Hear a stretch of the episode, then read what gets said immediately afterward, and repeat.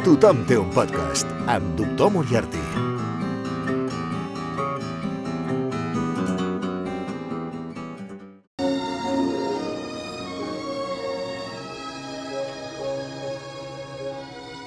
¿Por qué las chinas tenéis distinto sabor que las otras chicas? ¿Nosotras somos mejores? No, solo diferentes. Como el pato de Pekín es distinto del caviar ruso, pero las dos cosas me encantan. Cariño, yo guiso el pato como nadie. Doncs sí, així se les gasten a Solo se vive dos veces, You Only Live Twice, de Lewis Gilbert, al 1967. La cinquena i última pel·lícula, de moment, de Sean Connery, Lewis Gilbert, que dirigiria més tard Moonraker i, i l'espia que m'amó, i amb Moonraker comparteix tot el tema de l'espai. Aquí ens trobem una, una història de guerra freda, d'espionatge, bàsicament de James Bond, si no fos d'espionatge, de què collons seria, no? En què hi ha naus eh, tripulades tant soviètiques com dels Estats Units que estan desapareixent. Les engoleix una altra, una altra nau i desapareixen. I els Estats Units acusen a, a la Unió Soviètica, la Unió Soviètica acusa als Estats Units, i qui hi ha darrere tot això? Doncs Spectre, que havíem anat veient com apareixia fins ara, cada cop més present a, a les pel·lícules de, de Bond. Al principi era com una espècie d'amenaça a l'ombra, però ja cada cop més present, fins al punt que Blofeld, el número 1 d'Espectre, aquí ja és present, aquí ja el veiem per fi, ja no s'amaga darrere d'aquella cadira acoronant el gat, com a l'inspector Gadget, aquí ja és Donald Pleasence, amb, amb, amb, amb, tal com el coneixem tots, no? amb el cabell rapat, amb aquella cicatriu, amb, amb, amb aquell, uh, aquell trajo gris perla i... Mm, Doctor Maligno. És una mica Doctor Maligno. Perquè, de fet, tota la pel·lícula és Austin Powers. Austin Powers eh, crec que, que copia... No copia, parodia bastant de Solo se vive dos veces, sobretot perquè és que és molt parodiable. I és curiós, tenint en compte que el guió és de Roald Dahl, que és una cosa que m'ha sorprès, eh, tot el que respecto a Roald Dahl com a, com a escriptor de, de relats curts. I no diria que, que, que el guió de Solo se vive dos veces és, és seu, menys amb aquest diàleg que hem sentit, que és el que obre la pel·lícula. Bé, hi ha l'escena del principi de les ab- abduccions de, de, de, de les naus espacials i, i d'una reunió on es debat qui té la culpa i qui no la té i tal, però el primer cop que veiem a, a Bond, que és al principi de la pel·lícula, pràcticament, és al llit amb aquesta noia xinesa i fent-li aquesta floreta. Um, després, jo crec que merescudament la noia intenta assassinar-lo, no? Um, resulta que és dolenta i l'intenta assassinar i Bond mor, mor salvatgement. Però no, no, resulta que fan veure que està mort.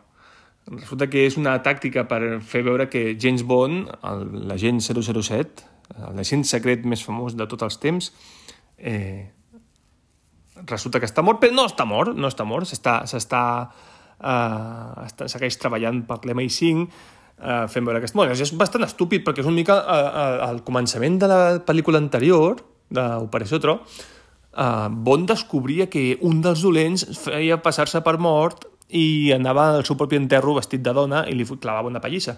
Llavors, què fa ara ell? Diu, doncs vaig a copiar-li la idea i vaig a fer jo el mateix. Tota la pel·lícula és una espècie de resum del que ja hem vist. Tota la pel·lícula és com un greatest hits de, de, de les quatre pel·lícules anteriors de Bond. Ja tenim les escenes subaquàtiques, tenim, eh, eh, eh, doncs, si, si teníem aquella, aquella, aquell avió robat, ara són els, els, les naus que estan robades. Tenim la illa on s'amaguen els dolents. Tenim escenes que són, són pràcticament idèntiques a, a les anteriors. Eh, la pel·lícula és llarga, segueix l'estela d'Operació Tro. Ara sí que ja tenim a Bon a, a, a plena potència, a tota potència, ja tenim totes les coordenades, tenim els gadgets, tenim tot, tot, tot, tot.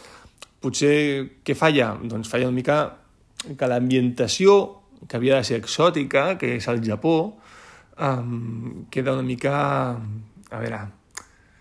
No, no, no, no, no seria qüestió de parlar de, de correcció política, perquè el, que surti Sean Connery pentinat i, i com un japonès i pràcticament amb els ulls atxinats, doncs mira, escolta, és l'època i és el que hi ha, no? Però tot el tema aquest de, dels entrenaments de karate i els marcials davant d'un castell, un castell que és el castell de Himeji, que vam anar l'any 2008, quan vam estar al Japó, és un castell xuli, és un castell samurai que es conserva uh, molt, molt bé, i està, em va, em va fer il·lusió veure que la pel·lícula tenia una localització allà. Doncs queda una mica, no sé, eh, crec que queda un pèl curta, un pèl curta. Eh, tot molt, molt oriental, molt... Que, és com que els faltava visitar Àsia a les pel·lícules de Bond, no? i llavors s'hi centren. I perdem una mica tot el viatge, per una mica les diferents localitzacions. Això i que la noia Bon, doncs, que bah, ni asa ni bèstia, ni, ni, ni... Vamos, és una, una noia que no, no la recordo.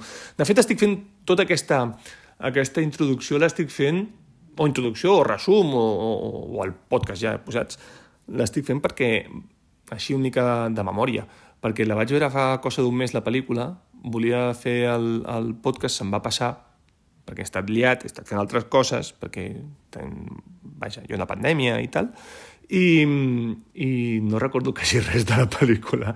Estic fent un podcast sobre Solo se vive dos veces, que és una pel·lícula que jo vaig veure de petit i de la qual només recordava la primera escena i poca cosa més, i l'acabo de veure fa un mes i l'he esborrat. L'he esborrat de, del meu cervell. Mm, recordo més Austin Powers que, que aquesta. Llavors, què vols que et digui? Mm, mira, té una part final amb la, amb la, amb la illa aquesta on s'amaga el, el Blofeld i és una mica ridícul perquè ja tens tots els, els dolents que van en diferents colors i tal i és que no, no és memorable no és memorable.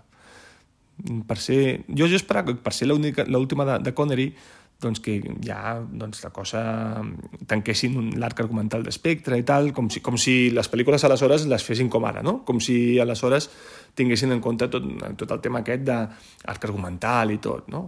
I eh, en realitat no, s'acaba la pel·lícula i dius, vale, Connery ni s'acomiada. Ah, ah bueno, s'acaba la pel·lícula com s'acaben totes les putes pel·lícules de James Bond fins ara que és, mm, pràcticament, al final sempre és el mateix, amb, amb, amb Connery, amb la noia, perduts a alta mar i tal. Um, què més tinc per aquí? Bé, en realitat tinc el meu gos que està roncant i no vull cridar gaire, a veure si el sentiu. S'ha despertat. L'he despertat. No crec que li faci gràcia que posi el mòbil al costat de, del cap.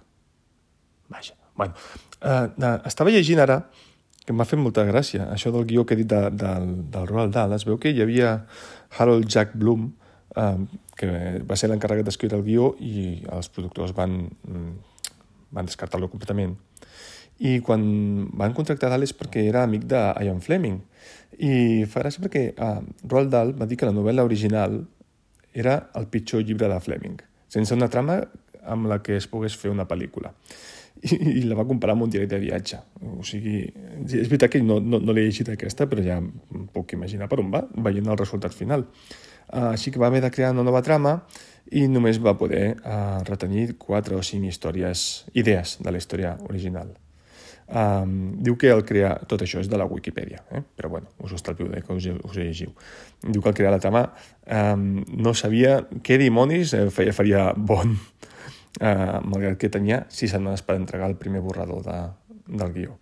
Així que va decidir fer una trama bàsica similar a la primera pel·lícula, que ja dic que es nota, que es nota bastant. Així que ja anem acabant amb les valoracions perquè no val, no val la pena continuar, sincerament. Mm, és que no recordo quasi res. Um, James Bond, Sean Connery. Va, posem-li un 8, 8 i mig, perquè està, està millor que, que a l'anterior, el, el perruquí se li nota menys, mm, potser li resta...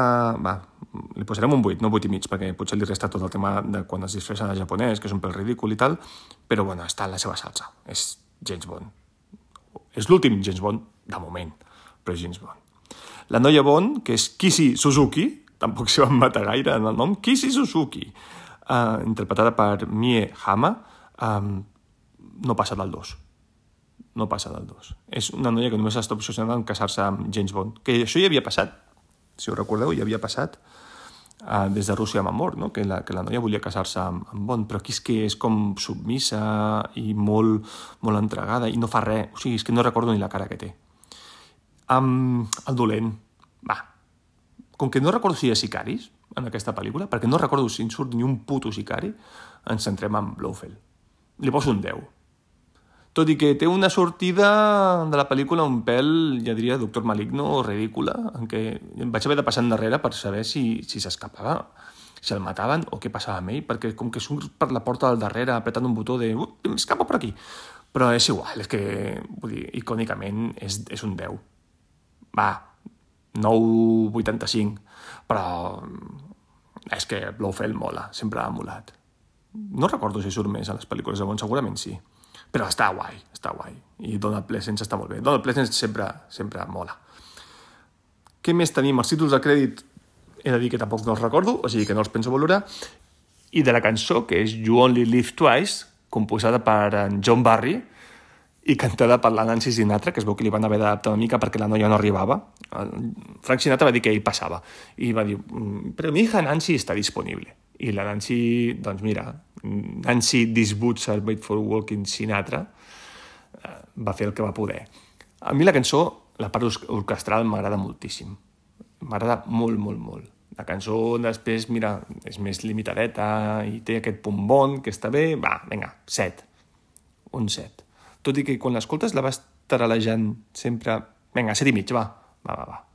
De fet, estic per pujar-la a 8 perquè és la cançó que en Robbie Williams va agafar com a base per, per uh, publicar Millennium, la, el seu primer gran èxit en solitari, després de deixar Take That l'any 98, i que, que encara avui jo vaig taralejant en el meu cap, o sigui que possiblement no taralejo tant a la, la cançó de Sinatra, de Nancy Sinatra, com, com la de Robbie Williams, segurament. Que de vegades la confonc amb Supreme, també de Robbie Williams, però ja agafava una mica sampler de la Will Survive, de Gloria Gaynor, i aquí de, de Nancy Sinatra. Va, un 8, es queda amb un 8. I, I jo crec que amb això ja tenim fet. Deixem aquí aquest bon ja i marxem...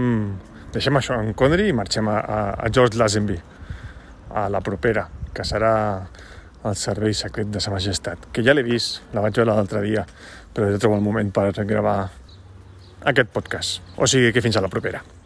A tothom té un podcast. Tothom té un podcast.